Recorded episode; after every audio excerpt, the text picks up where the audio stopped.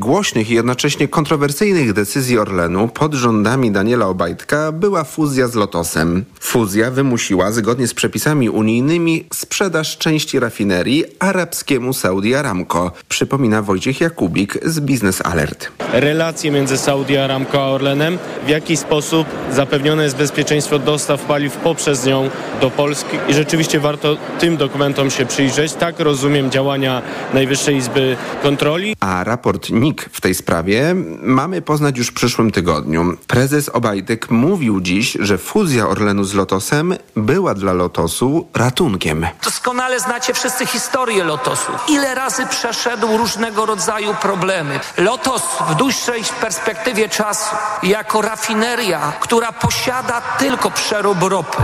Na tradycyjne paliwa nie miała szansy bytu. Daniel Obajtek w pożegnalnej przemowie chwalił się rozwojem firmy, inwestycjami i rosnącymi zyskami. Mówił też o krytycznych opiniach. Zastanawiałem się, czy ta zemsta, nienawiść polityczna rodzi taką głupotę, że aż szybuje. Ta krytyka dotyczyła m.in. upolitycznienia spółki, angażowania się w kampanie polityczne. Bardzo kontrowersyjną decyzją był też zakup grupy medialnej Polska Press, która skupiała regionalne gazety i portale. Te stały się częścią propagandowej machiny rządu PiS. Z takich działalności trzeba jak najszybciej zrezygnować, mówi Robert Tomaszewski, analityk polityki Insight. Bo to powinna być jedna z pierwszych decyzji, żeby też przywrócić pewien ład korporacyjny w spółkach Skarbu Państwa. To powinny być firmy skoncentrowane na obronie bezpieczeństwa energetycznego i pomnażaniu wartości majątku Skarbu Państwa, a nie na kolportowaniu narracji obecnie rządzących. Daniel Obajtek kończy ważny okres w swoim zawodowym życiu. Dzięki PiSowi przeszedł drogę od wójta Pcimia aż do prezesa Orlenu. Jego nazwisko, jak i on sam, z przestrzeni publicznej jednak nie zniknie. 5 lutego NIK zaprezentuje wspomniany raport na temat fuzji Lotosu i Orlenu, a prokuratura już prowadzi śledztwo w tej sprawie i bada możliwość działania na szkodę Skarbu Państwa, a szkodę tę ocenia się na kilka miliardów złotych. Maciej Kluczka, wielkie dzięki. Przypomnę, że też coraz więcej mówi się o starcie Daniela Obajtka w wyborach do Parlamentu Europejskiego. Miałby zostać jedynką na liście PiSu na Podkarpaciu.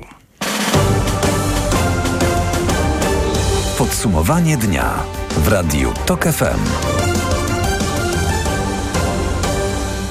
To dowód europejskiej solidarności. Tak prezydent Ukrainy Wołodymyr Załański reaguje na zgodę unijnych liderów w, spra w sprawie nowego pakietu 50 miliardów euro wsparcia dla Kijowa. To naprawdę ważne, że decyzja została podjęta jednogłośnie przez wszystkie 27 państw członkowskich. To kolejny wyraźny sygnał silnej jedności i wsparcia dla Ukrainy. Decyzja zapadła na szczycie w Brukseli, ale do ostatniej chwili były obawy, czy premier Węgier Viktor Orban po raz kolejny nie zgłosi weta w tej sprawie. Ostatecznie udało nam się zachować jedność, mówił w Brukseli premier Donald Tusk. Mamy w tej chwili tę, tę pomoc dla Ukrainy na 4 lata, to to jest więcej niż epoka. Pokażcie mi człowieka na świecie, który wie, co będzie tak naprawdę się działo za rok, a co dopiero za 4 lata, więc na pewno to rozstrzygnięcie jest, ma charakter strategiczny, nie taktyczny.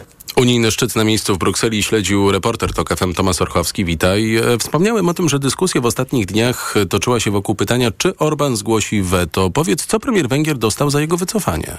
Wcale nie tak dużo. Orban domagał się na przykład wymogu dorocznego, jednomyślnego akceptowania pomocy dla Ukrainy.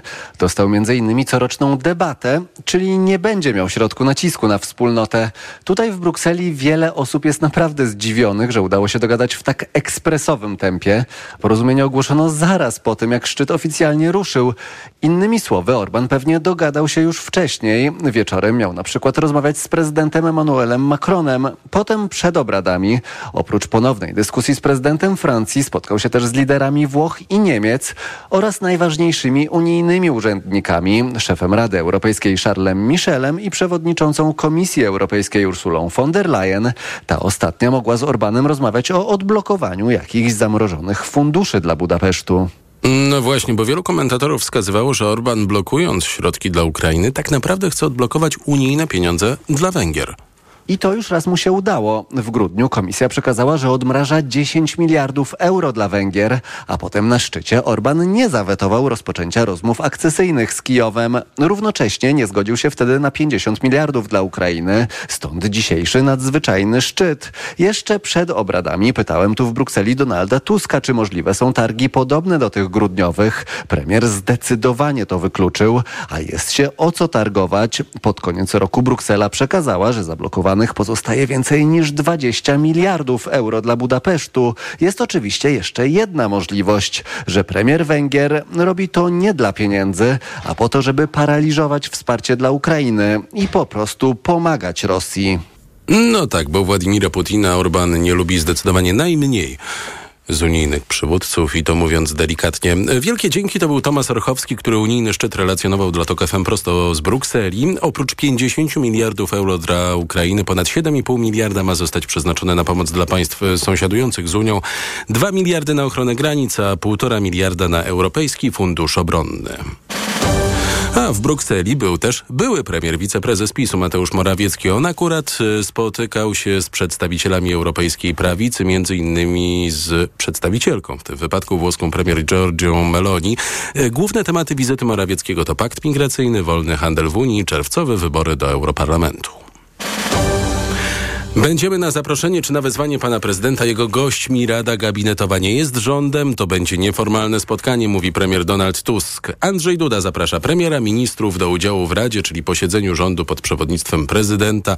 Zdaniem Dudy Rada powinna omówić kluczowe, jak twierdzi, projekty infrastrukturalne, jak CPK, rozwój kolei i budowę elektrowni atomowych z jednej strony mają sprzyjać przyszłemu dynamicznemu rozwojowi naszej gospodarki, ale z drugiej strony także i umocnić bezpieczeństwo Rzeczypospolitej, bo nikomu też nie trzeba tłumaczyć, jakie znaczenie ma na przykład zbudowanie centralnego portu komunikacyjnego, ogromnego lotniska, które będzie mogło przyjąć wielką liczbę samolotów, także i transportowych, jeżeli będzie trzeba.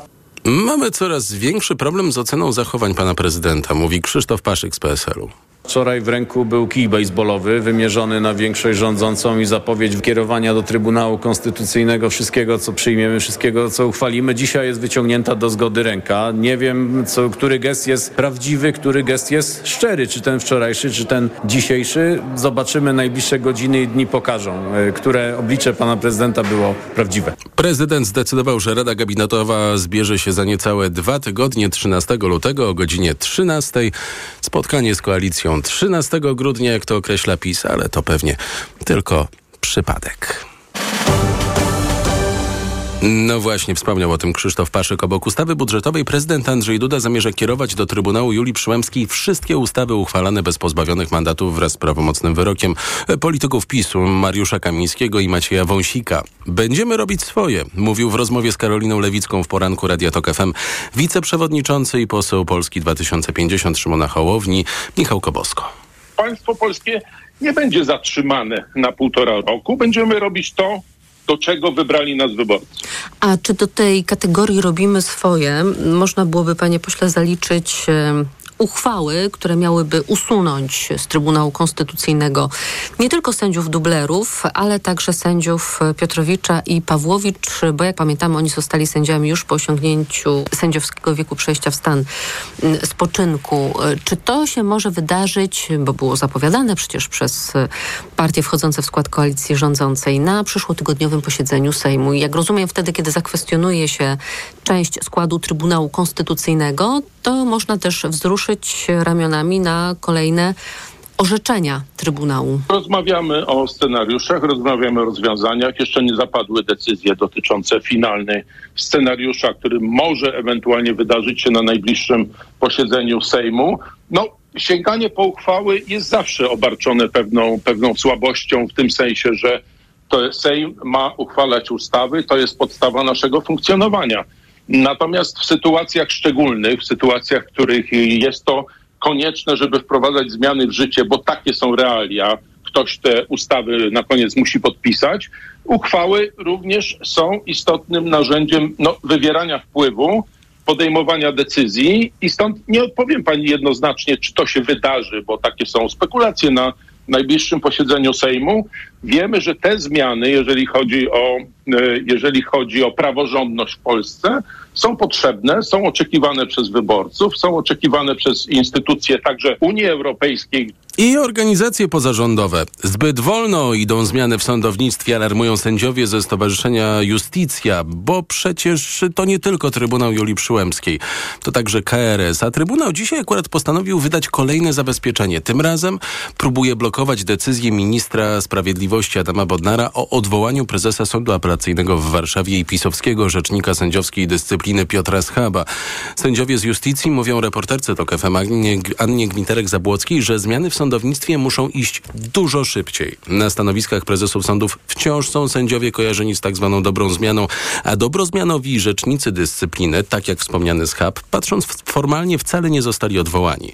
Mówią sędziowie Piotr Gonciarek i Igor Tuleja te zmiany są absolutnie niewystarczające. To znaczy, dobrze, że już niektórzy prezesi zostali odwołani. Dobrze, że minister zapowiedział powołanie prezesów jakkolwiek dzisiaj formalnie ciągle ma olbrzymią władzę, ale na podstawie rekomendacji spośród kandydatów przedstawionych przez y, samorząd sędziowski, to jest bardzo dobrze. No ale ciągle nie mamy zmian jakichś systemowych. Czyli przede wszystkim nie mamy jasnego komunikatu ze strony ministra, jakieś mapy drogowe, jak to ma wyglądać. Czyli co dalej z KRS, z neo-KRS-em. Brakuje takich też działań w sferze symbolicznych jak odwołanie z funkcji rzecznika Schaba i jego zastępców Lasoty i Radzika, no, osób wyjątkowo źle zapisanych, łamiących prawo, którzy sprzężyli etosowi sędziego drastycznie. Minister jest władny powołać rzecznika dyscyplinarnego specjalnego nie tylko do przejęcia spraw, jak mamy w tym wypadku, ale do prowadzenia przeciwko osobom, przeciwko właśnie tym trzem panom rzecznikom, na przykład takim skompromitowanym postaciom spośród prezesów, jak pani Pawełczyk-Wojcka, jak pan Nawacki, jak pan Dudzicz. Naprawdę już bym chciał wyjść z tego bagna, które zgotowała nam poprzednia ekipa rządząca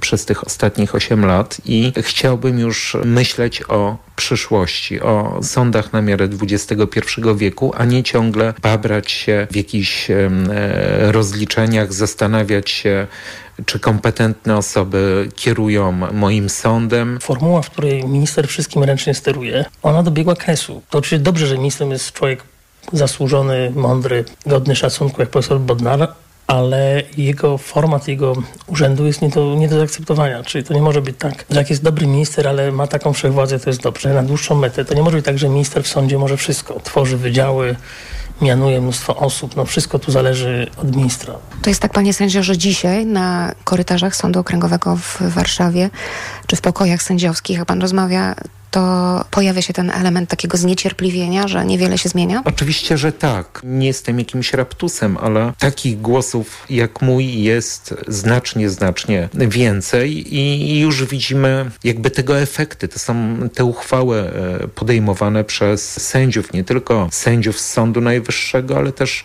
sędziów sądów e, okręgowych, choćby ostatnia uchwała podjęta przez środowisko sędziowskie w Gorzowie Wielkopolskim.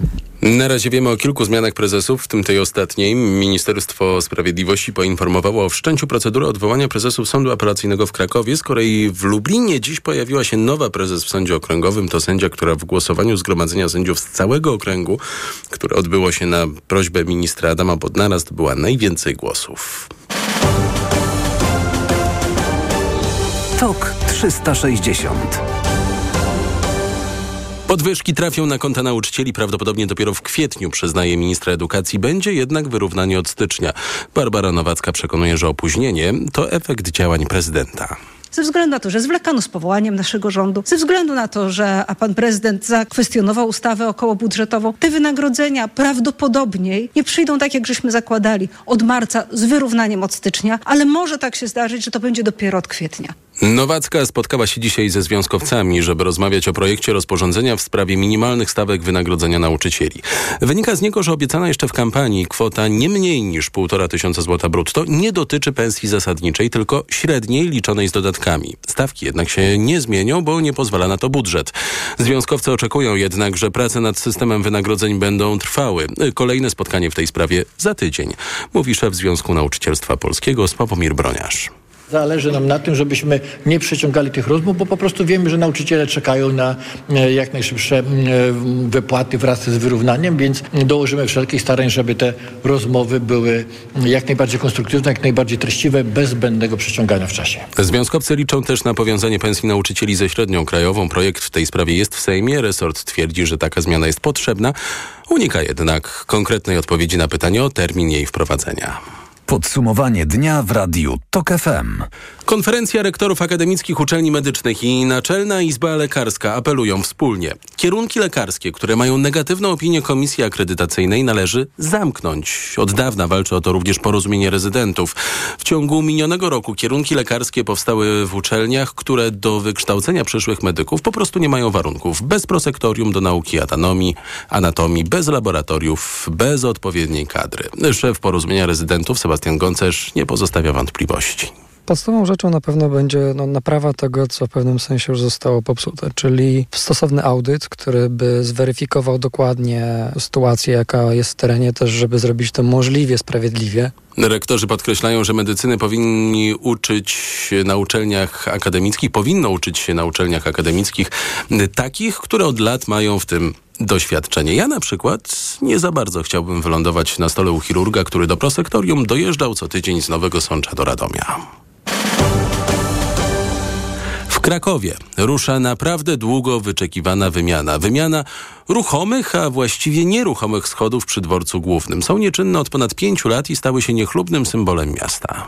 Wszyscy się denerwują tymi schodami i w sumie to no, nie jest zbyt fajne. Jestem już tutaj dwa lata w Krakowie i nawet nie pamiętam, żebym kiedykolwiek korzystała z nich, żeby były czynne po prostu. No chyba coś robią. Ogradzamy teren, zabezpieczamy, doprowadzamy media, stawiamy pewne urządzenia sanitarne. Od najbliższego poniedziałku chcemy rozpocząć demontaż fizyczny e, pierwszych elementów wyposażenia schodów, e, w drugiej kolejności całej konstrukcji. Prace demontażowe schodów będą trwały dwa miesiące. To jest demontaż schodów i to jest przygotowanie istniejącej konstrukcji pod montaż nowych schodów, które będą montowane od kwietnia do maja. Ja się cieszę, mam nadzieję, że coś się zmieni, ale no, jestem do tego tak sceptycznie, bo się boję, że znowu będzie to samo.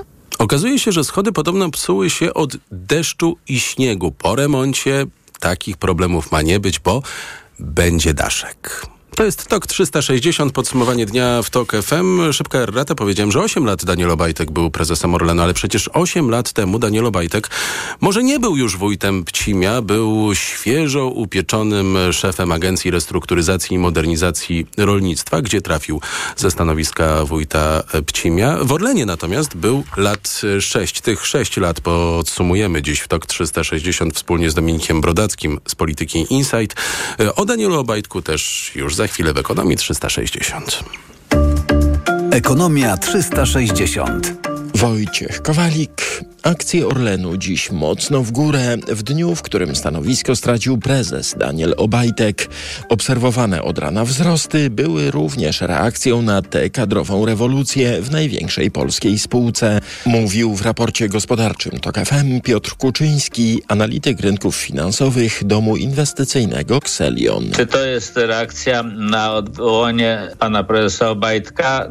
Na pewno częściowo tak. Na pewno częściowo tak, ale tylko częściowo Dlaczego? Dlatego, że ewidentnie mamy szturm y, popytu zagranicznego na polskie akcje. Także część tego wzrostu to na pewno jest ten szturm popytu zagranicznego. Część to jest pan Obajtek, chociaż rynek miał już naprawdę bardzo dużo czasu do zdyskontowania tego, że prezes Obajtek odejdzie. Na koniec dnia akcje Orlenu poszły w górę o prawie 5%. Krzysztof Zamasz, menadżer sektora energetycznego, Jacek Krawiec, który stał już na czele Orlenu w latach 2008-15 i Beata Stelmach, była prezeska Stowarzyszenia Emitentów Giełdowych. To ich nazwiska pojawiają się najczęściej wśród potencjalnych kandydatów na nowego prezesa Orlenu.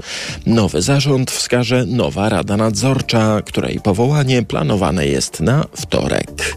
A co zapamiętamy z niecałych sześciu lat Daniela Obajtka w Orlenie? O tym Tomasz Set. Setta. W czasach Obajtka Orlen przejął nie tylko Lotos, ale również PGNiG, Energę czy Polskę Press i Ruch, mówi Robert Tomaszewski z Polityki Insight. Orlen przez ten okres był po prostu bardzo mocno skoncentrowany na tych przejęciach. Firma nie do końca wykorzystywała ten swój potencjał do tego, żeby przemyśleć dokładnie i dogłębnie swoją transformację. Eksperci zwracają też uwagę na niespotykane dotąd upolitycznienie spółki, która w zależności od potrzeb sztucznie zaniżała albo zawyżała ceny paliw, do czego równo rok temu Daniel Obajtek przyznał się w rozmowie z TOK FM. Mogliśmy w grudniu częściowo zacząć obniżać, ale w momencie, kiedy w grudniu częściowo zacząłbym obniżać, to automatycznie musiałbym 1 stycznia wszystko podnieść. Manipulacje cenami bada już prokuratura. Śledczy zajęli się też kulisami fuzji Orlenu i Lotosu. Tomasz Setta, TOK FM.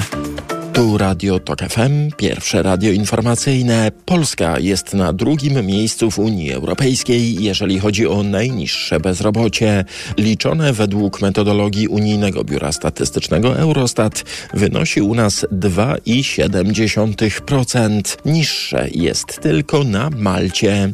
Przypomnę, że nasz główny urząd statystyczny wylicza stopę bezrobocia na nieco ponad 5%, a ta różnica wynika z innej metodologii wyznaczania liczby osób bez pracy.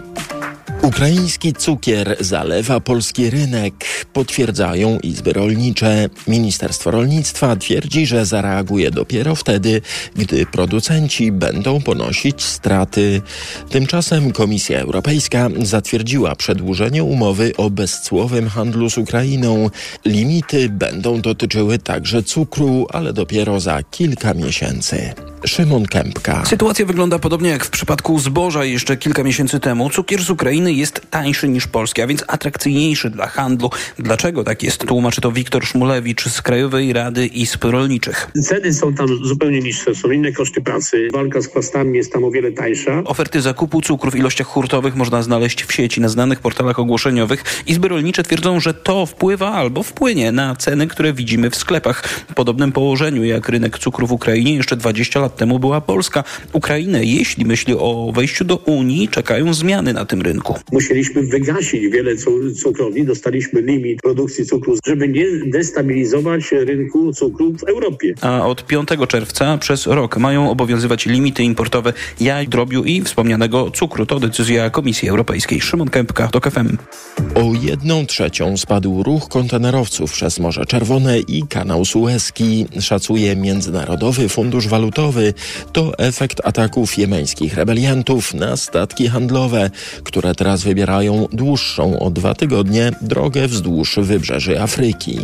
Związane z tym kłopoty w logistyce dostaw widać też na rynku spożywczym i w dostawach poszczególnych produktów, mówił w TOK FM dr Mariusz Dziwulski, ekspert rynku rolno-spożywczego w PKO Banku Polskim. To przede wszystkim olej palmowy, który sprowadzamy z Indonezji i Malezji a który jest szeroko wykorzystywany w europejskim unijnym przemyśle spożywczym. Kolejnym produktem jest kawa. Wietnam jest największym na świecie producentem robusty i te problemy w dostawach prawdopodobnie już mają spory udział w obserwowanych w ostatnich trzech miesiącach wzrostach cen tego produktu. Kolejnym produktem, na którym zwróciłbym uwagę jest ryż. Tutaj zdecydowana większość dostaw te, tego produktu do Unii Europejskiej pochodzi z południowej Azji. Produktami, z którymi konsumenci spotykają się na co dzień, a są importowane z, z tego obszaru są również mrożone ryby przyprawy, e, herbata. Natomiast ja spojrzałbym też trochę na ten problem z drugiej strony, bo rynki dalekowschodnie są ważnymi kierunkami zbytu dla towarów unijnych i dotyczy to też w dużej części Polski. Można dać tu przykład produktów mleczarskich, które eksportujemy na sporą skalę do Chin. Skrobia ziemniaczana, która z Polski trafia na rynki azjatyckie. No i warto wspomnieć o produkcie e,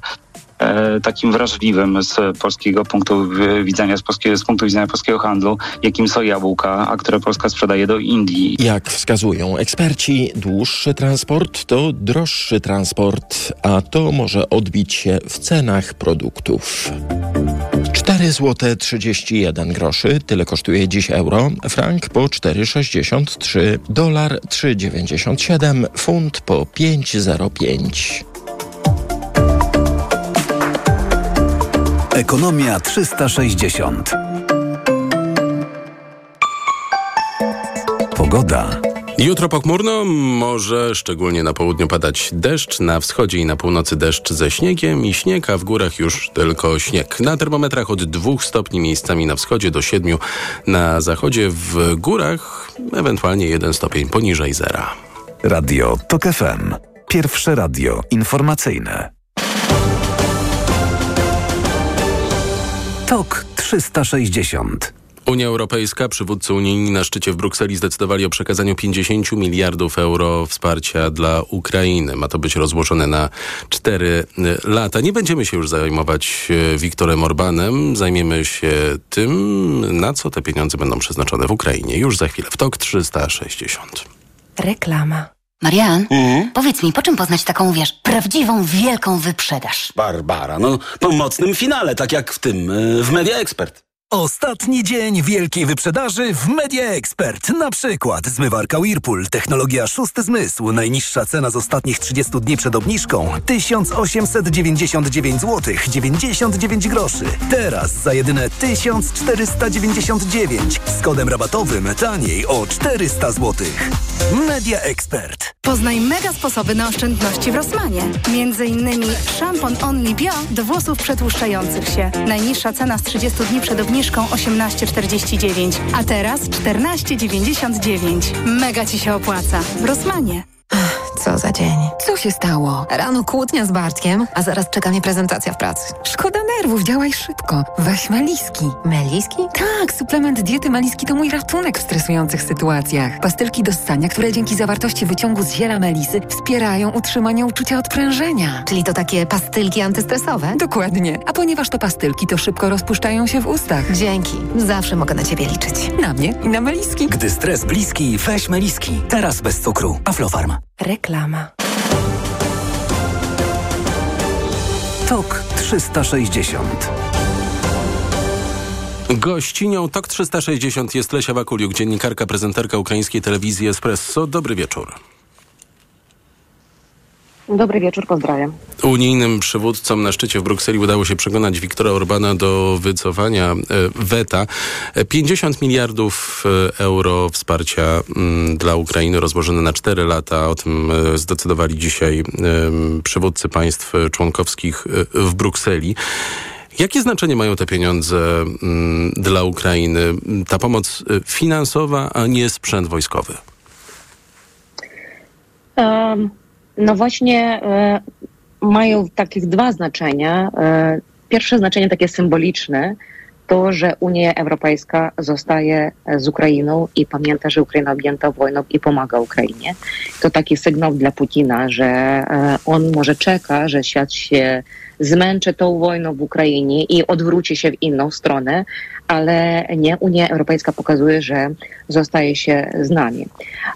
A drugie znaczenie to takie zwykłe finansowe znaczenie, gospodarcze wsparcie dla dużej ilości Ukraińców, ponieważ z pomocą pieniędzy, które dostajemy z, od naszych sojuszników, właśnie finansujemy ludzi, którzy dostają pieniądze od państwa, to znaczy nauczycieli, półtora miliona nauczycielów, lekarzy, ludzie, którzy pracują w urzędach, emeryci. No i właśnie to, że tak było takie zamieszanie, czy dostanie Ukraina tych, tych pieniądz, pieniądzów, czy nie, to wsparcie, czy nie, to też pobudziło dużo tak, takie taki stres pomiędzy ludzi, bo każdy myśli o tym, jak nakarmić swoją rodzinę. Oprócz tego, jak przeżyć w czasie tej wojny. Bo właśnie mój ojciec jest lekarzem i już od miesiąca nie dostaje pieniędzy. Teraz, gdy dostaniemy to wsparcie, to w końcu marca właśnie te, te pieniądze może dostać to, tą swoją pensję.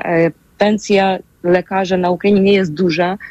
Przy liczeniu na złote to gdzieś około półtora tysięcy złotych, ale, ale to jest pieniądze, za które można kupić chleba, za które można za, zapłacić za, za prąd, za gaz i po prostu żyć. Moja matka jest emerytką, babcia też jest emerytką, też nie dostali e, emerytury swojej. Także te pieniądze jest bardzo ważne dla Ukraińców. Oczywiście, że wsparcia też potrzebują nasze wojskowe e, i oczywiście czekają też na to, że dostają, dostaną jakiegoś wsparcia od sojuszników, ale nawet te nieduże e, e, emerytury, nieduże pensje, które dostają nasi ludzie, to tak naprawdę wydają też i na wojsko, bo jako, jako prezenterka programu porannego, ale on wygląda nie tak, nie tak jak zwykły program poranny, a to taki maraton, który zaczął się jeszcze 24 lutego 2022 roku, e, kiedy cały czas informujemy, co się dzieje na froncie i czym żyje w, na poziomie takim politycznym nasz kraj w czasie dużej wojny, to jeszcze robimy takie zbiórki. E, prosimy naszych widzów, żeby przesłali swoje pieniądze na wsparcie naszego wojska i Teraz zbieramy pieniądze na, na różne, taką, różną amunicję dla naszych wojskowych, które e, zwrócili się do nas i potrzebujemy miliona hrywien. E, przed tym robiliśmy inną zbiórkę, zbieraliśmy, mieliśmy nazbierać 5 milionów hrywien i tak cały czas, już drugi Czyli rok. te pieniądze są absolutnie y, niezbędne i, i, i, to jest studnia Właśnie. bez dna. Y, jak... Y, jak z perspektywy ukraińskiej, biorąc pod uwagę też ten osobisty kontekst, o którym pani, yy, pani wspomniała, yy, wyglądała ta dyskusja, która toczyła się na forum unijnym z jednym Wiktorem Orbanem, który yy, no, lubi się z Władimirem Putinem i wbrew 26 pozostałym krajom blokuje te pieniądze? No, nie dziwiło to Ukraińców, że tak Viktor Orban się zachowuje, bo każdy już wie, jak jest nastawiony. Przed tym było spotkanie ministra spraw zagranicznych Węgrów z ministrem ukraińskim i też taka rozmowa ta była taka, że pokazywali Węgry, że a nie wiemy, jak to się potoczy tam na, na szczycie, ale, no, ale przyjechał ten minister spraw zagranicznych, chociaż spotykali się nie w Kijowie, co też jest takim e, jakimś symbolicznym, a w Użgorodzie to jedno miasto, prawie jedyne miasto w Ukrainie, które nie było ostrzeliwane przez rakiety rosyjskie za tych dwa, dwa lata, które znajduje się obok granicy węgierskiej. Ale była duża nadzieja na inne kraje Unii Europejskiej, które pokazywali swoje wsparcie. No i nawet, jak powiedział pan Tusk, premier Polski, że inne kraje nie odczuwają zmęczenia, ale odczuwają zmęczenie poprzez Wiktora Orbana. Także była duża nadzieja, że to zjednoczenie, zjednoczenie 26 innych krajów podziała, no i wreszcie podziałało. To jeszcze krótko na koniec zapytam o nastroje tej zimy w Ukrainie. Czy ona jakoś różni się od poprzedniej, którą pamiętamy z notorycznych nalotów, notorycznych braków prądu i notorycznego poczucia zagrożenia przez ten rosyjski terroryzm? No właśnie jest łatwiej poprzez to, że nie siedzimy bez prądu w, w ciemnych, w ciemnych mieszkaniach nieogrzewanych, ale z innej strony też odczuwamy duże zmęczenie. Oczywiście ludzie cywilni nie mogą mówić o zmęczeniu, bo najwięcej są zmęczeni nasi, nasi wojskowi, ale to, że ta wojna jeszcze trwa i nie wiadomo ile jeszcze potrwa, bo jak widać Putin nie zamierza jej kończyć, dostaje gdzieś te, te pieniądze, dostaje broń. To, że teraz jest, to, że zmęczenie też przechodzi do innych krajów, bo w innych krajach też ludzie nie mogą cały czas żyć wiadomościami z Ukrainy. To, że wiadomości w innych krajach też są e, takie napięte, są jakieś konflikty wojskowe w innych częściach e, świata. W Stanach Zjednoczonych, Stany Zjednoczone teraz przed wyborami też to męczy nas, czy będą, zostaną się Stany Zjednoczone z Ukrainą, czy będą wspierać Ukrainę, bo oczywiście bez wsparcia świata Ukraina tą, tą wojnę nie wygra. To męczy wszystkich. No i rakiety rosyjskie wciąż latają, wciąż uderzają do, do mieszkań niszczą te mieszkania i oczywiście, że ludzie tracą życie, zdrowie, to też, e, to też ma swój wpływ. Nie widać może tego, e, tego wpływu tak na, na po prostu, jak powiedział pan Fico, premier Słocki, że w Kijowie nie widać wojny. Może tak na pierwszy wzgląd nie widać, ale to zmęczenie e, takim napięciem, to, że nie, nie wiemy, co nas dalej czeka, ono wpływa i ma duży wpływ. Bardzo dziękuję. Lesia Wakuliuk, dziennikarka i prezenterka ukraińskiej telewizji Espresso była gościnią TOK 360. Za chwilę Dominik Brodacki z Polityki Insight i pożegnanie Daniela Obajtka.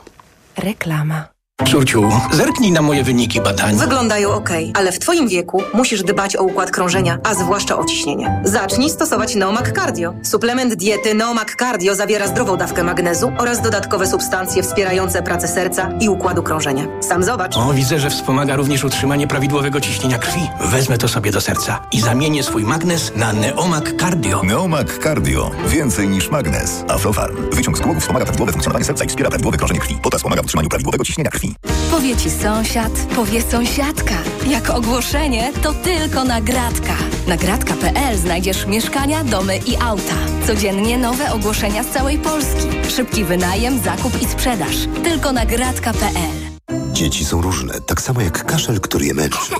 To jest Zosia, która ma kaszel suchy. A to jest Antek, którego dopadł kaszel mokry. A to... Nie wiesz, jaki kaszel ma twoje dziecko, ale wiesz, jaki syrop wybrać. Wyrób medyczny Herbapekt Junior bez cukru jest skuteczny w każdym rodzaju kaszlu. Zarówno w suchym, jak i mokrym. Herbapekt Junior numer jeden na kaszel suchy i mokry. To jest wyrób medyczny. Używaj go zgodnie z instrukcją używania lub etykietą. Ułagodzenie każdego rodzaju kaszlu, zmniejszenie częstotliwości kaszlu, ułatwienie odkrztuszania. Aflofarm. Przewodnik TOK FM. Na zdrowie.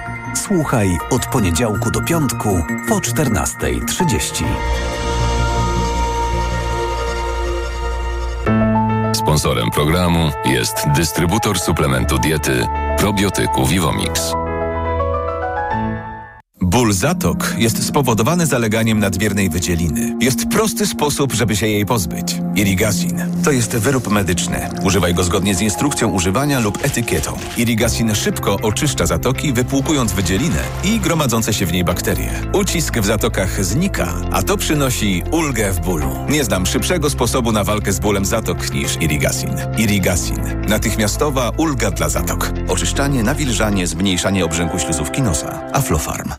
Tematem dnia jest ból ucha. Jak sobie z nim poradzić? W aptekach jest wiele produktów, ale tylko Lix z lidokainą działa w dwie minuty. Dwie minuty? Naprawdę? Tak, dwie minuty i po bólu. Lix to jedyne krople do uszu z lidokainą, które działają dwutorowo. Glicerol zmniejsza obrzęk, a lidokaina błyskawicznie łagodzi ból ucha. Czy Lix można stosować u dzieci? Krople Lix można stosować nawet u maluszków od szóstego miesiąca życia. Lix.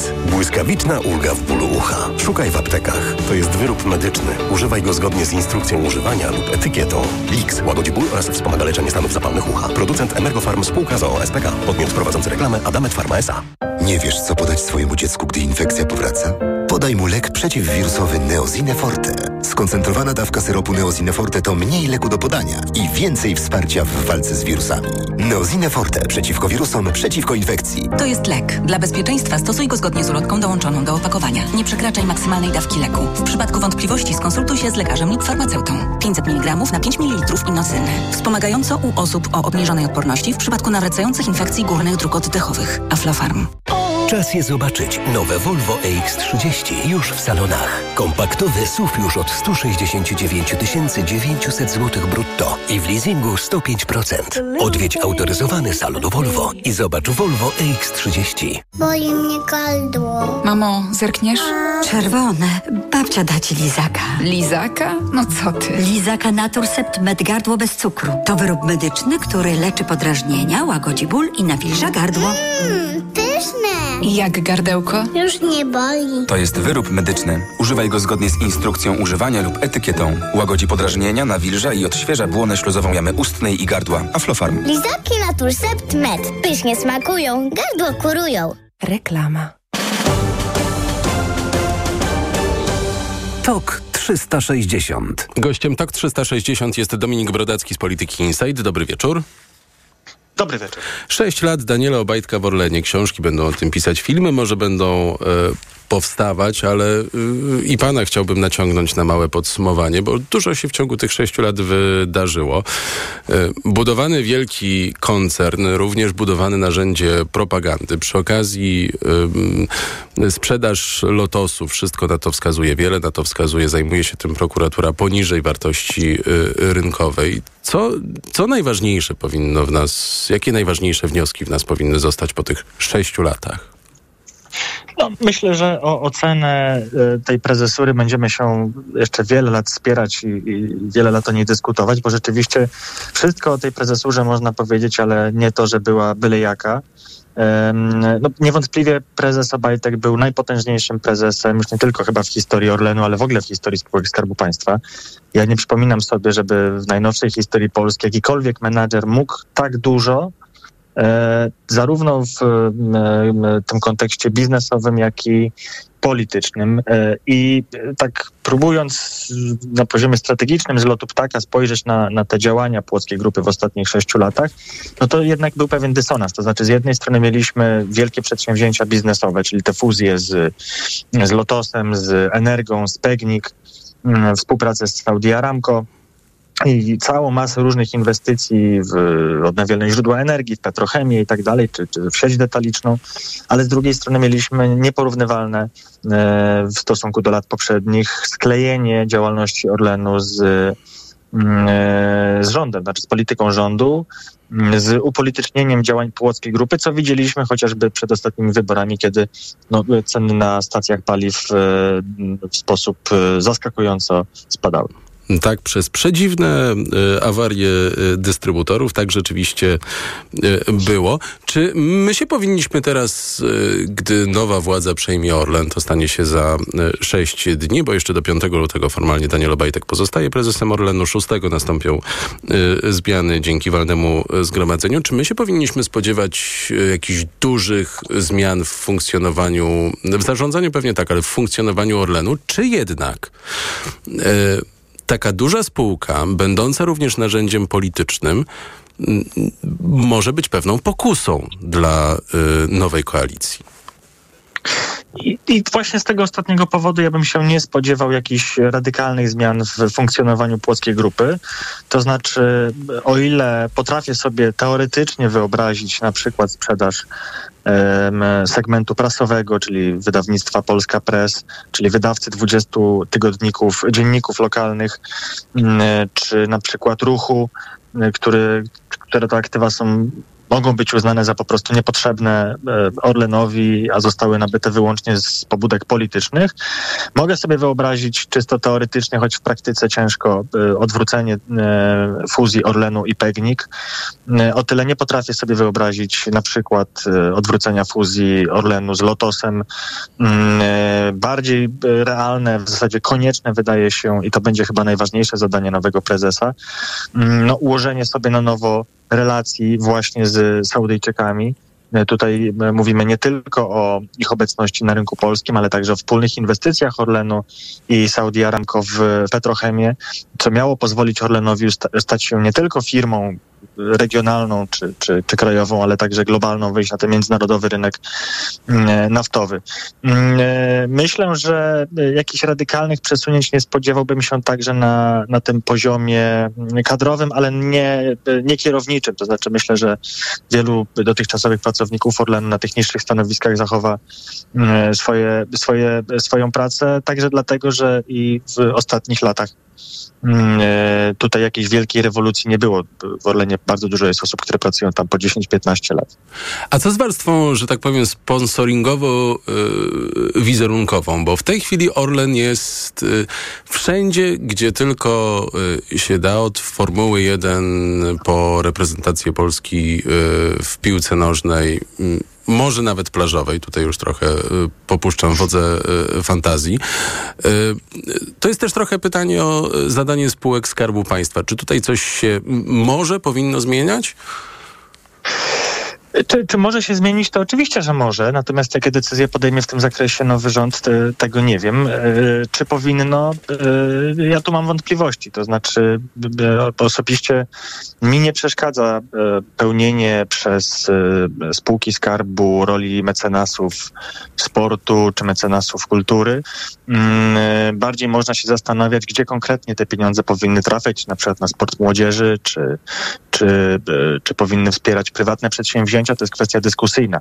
W mojej ocenie, i to też dotyczy całej oceny funkcjonowania Płockiej Grupy w ostatnich latach, to znaczy to jest, ta ocena trochę zależy od tego, jaką my przyjmiemy wizję roli takich firm jak Orlen w gospodarce. To znaczy, e, potrafię sobie wyobrazić pogląd, że ktoś powie, że taka firma jak Orlen e, no, funkcjonuje źle, bo te biznesy, które są zgromadzone w tej grupie, powinny być zdecentralizowane, funkcjonować w ramach oddzielnych podmiotów, niezależnie od siebie, na konkurencyjnych rynkach, tak żeby no, maksymalnie nomen omen urynkowić właśnie poszczególne biznesy, na przykład segment energii elektrycznej, sprzedaży gazu i tak dalej. Ale z drugiej strony jest też ten, ta wizja, w której no właśnie e, z uwagi na strategiczny interes państwa w poszczególnych sektorach, mm, czy z uwagi na e, no, no, no kwestie bezpieczeństwa państwa czasami, co też widzimy w ostatnich latach e, w związku z sytuacją w Ukrainie, że jednak te, te strategiczne obszary gospodarki powinny być pod ścisłą kontrolą rządu. No to, to są tak naprawdę dwie wizje funkcjonowania mm, tego typu w firm. I, I, tu się rzeczywiście można spierać. To, co jest najbardziej kontrowersyjne i moim zdaniem nie powinno mieć powtórzenia, to e, sklejenie e, czy, czy traktowanie spółek skarbu e, w dużej mierze wręcz w przesadnej mierze jako aktywo polityczne. Bardzo dziękuję. Dominik Brodacki z Polityki Insight. Daniel Obajtek odchodzi za kilka dni e, z Orlenu, ale podobno e, może zostać jedynką PiSu na Podkarpaciu w wyborach do Parlamentu Europejskiego. E, już za chwilę Wasiedlecka z Polityki o tym, czy rząd zabierze się w końcu za Trybunał Julii Przyłębskiej.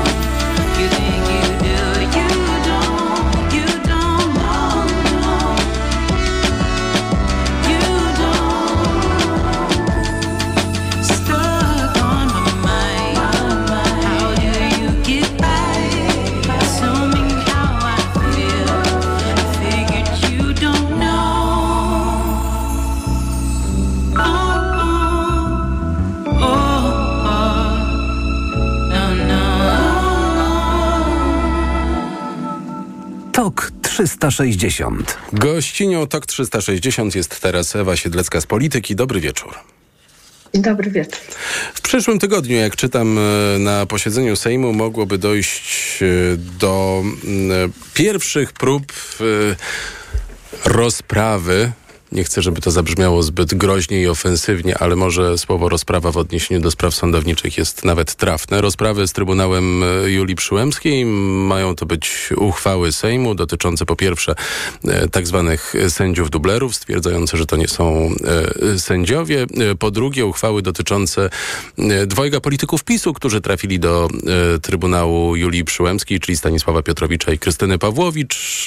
Oni z kolei byli wybrani już w wieku, kiedy, e, ty, kiedy do Trybunału wybrani zostać nie e, powinni. A co dalej? Jakie są szanse na e, odebranie Prawu i Sprawiedliwości Trybunału Konstytucyjnego, bądź doprowadzenie do jeszcze większego kryzysu i nie przejmowanie się wyrokami Trybunału, tak jak już teraz widzimy takie sygnały ze strony koalicji, że się dzieje? Jakie są szanse? To znaczy zależy na co, bo jeżeli będziemy y, się trzymać prawa, No to, chcielibyśmy. e, no właśnie, dlatego zaznaczam, jeżeli trzymamy się prawa, no to, to takie proste nie jest. S- Znaczy z całą pewnością, y, z czystym sumieniem y, i właściwie chyba większość prawników y, y, wypowiada się w ten sposób.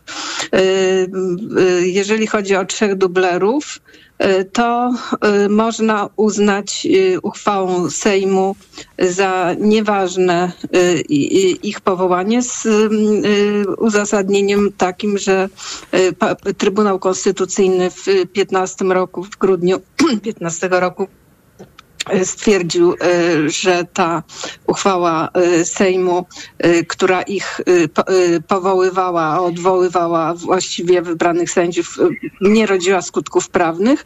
I potem mamy wyrok Xeroflor y, Trybunału Praw Człowieka Rady Europy, który dotyczył jednego z dublerów i także stwierdzający, że ten, to powołanie było prawnie nieważne, ponieważ odbyło się wbrew polskiemu prawu. Y, Więc tutaj no, to zupełnie spokojnie moim zdaniem y, można zrobić i y, naprawdę bez żadnych kom- kompleksów, że będzie tutaj Polska w jakikolwiek sposób oskarżona o nadużycie czy naciąganie prawa. Natomiast jeżeli chodzi o wiek państwa byłych posłów Pawłowicz i Piotrowicza, to no szczerze powiedziawszy, y, ja nie, nie widzę takiej możliwości. To znaczy tak. y, Oni w momencie wyboru y, byli w wieku, w którym no, nie mieli zdolności do bycia ym, wy- wybranymi do Sądu Najwyższego czy Naczelnego Sądu Administracyjnego, bo byli już w wieku stanu spoczynku. A sędzia y, Trybunału Konstytucyjnego w tamtym czasie powinien y, spełniać te kryteria y, wyboru albo do Sądu Najwyższego, albo do Naczelnego Sądu Administracyjnego. Z tym, że w, tuż przed wyborami Ym, PiS zmienił przepisy dotyczące sędziów Sądu Najwyższego i sędziów Sądu, Naczelnego Sądu Administracyjnego i tam teraz w ogóle nie ma granicy wieku. To znaczy jest dolna granica wieku, a nie ma górnej. Czyli co, pojawia się Y- problem z tym, że prawo nie działa wstecz? Jednocześnie ze strony Trybunału Konstytucyjnego no, zniknęły informacje o wieku państwa Pawłowicz i Piotrowicza. No prawo oczywiście nie działa wstecz, czyli oni w momencie wyboru takich kwalifikacji nie mieli. Ale y, kto to ma stwierdzić? No nie może tego stwierdzić uchwała Sejmu. No bo wtedy już przekraczamy cienką czerwoną linię, w, jaką jest to, że uchwały nie stanowią prawa. Y, tutaj w przypadku dublerów prawo stanowił y, Trybunał Konstytucyjny w 2015 roku y, i CUE. Y, Natomiast y, tutaj no, nie mamy żadnego, y, żadnego wyroku. Co by można było zrobić? No, można by spróbować mm, taką metodą, ale to musiałaby zrobić prezes Trybunału Konstytucyjnego albo, albo dyrektor, dyrektor Biura Trybunału Konstytucyjnego spróbować w sądzie pracy ustalić, czy nawiązany został skutecznie stosunek pracy. To kiedyś było mm, y, ćwiczone przez y, prezesa y, Andrzeja Rzeplińskiego w stosunku do Julii Przyłębskiej, ale jakby utknęło. No, teraz nie sądzę, żeby Julia Przyłębska była zainteresowana wniesieniem takiej sprawy do sądu, a ona jest pracodawczynią. Więc po Ona oczywiście też może stanąć na e, przeszkodzie dopuszczeniu do pracy. Mm, jeszcze prezydent po drodze może stanąć na przeszkodzie powołaniu e, trzech prawidłowo wybranych sędziów, bądź też e, kolejnych, gdyby oni nie byli zainteresowani. W tych doniesieniach pojawia się jeszcze e, jedna rzecz, no bo na, nawet jeżeli rozmawiamy o e, również o Piotrowiczu i o Pawłowicz, to rozmawiamy o piątce sędziów i e, a żeby coś się zmieniło w Trybunale, wymiana sędziów musiałaby być większa, na to jeszcze trzeba poczekać kilka lat. Tam się pojawia taki wątek straszenia postępowaniami dyscyplinarnymi, że albo odchodzicie No dobrowolnie, tak, albo was pogonimy. Ja to od początku postulowałam i uważam, że to jest y, zgodna z prawem i skuteczna metoda. Mianowicie wiele z osób, y, które w tej chwili są, albo przynajmniej część z osób, które w tej chwili są y, w Trybunale Niekonstytucyjnym, ym, zasłużyła sobie na postępowania dyscyplinarne ym, y, z zachowaniem, czy to przed tym, jak została wybrana do Trybunału Konstytucyjnego. W przypadku na przykład pani Pawłowicz, no to pamiętamy jej rozmaite zachowania, no takie naruszające dobre obyczaje. No ten tam to sposób, postępowania y, dyscyplinarne nawet nie pomogą. No. Y, y, No tak, tylko chodzi o to, że w, można robić postępowanie dyscyplinarne w, w sytuacji, kiedy mamy do czynienia z czymś, co sędzia robił przed wyborem do Trybunału Konstytucyjnego. Tylko problem polega na tym, że y, w, Sądem dyscyplinarnym dla Trybunału Konstytucyjnego jest Trybunał Konstytucyjny, w związku z czym musiałby się tam y, jakoś zmienić y, skład. Ja sobie obliczyłam, że w grudniu 25 roku nie będzie y, siedmiu sędziów y, i dublerów y, w, w Trybunale, to znaczy skończą im się kadencje. Więc to będzie jak- jakby mm, w tym momencie PiS straci większość.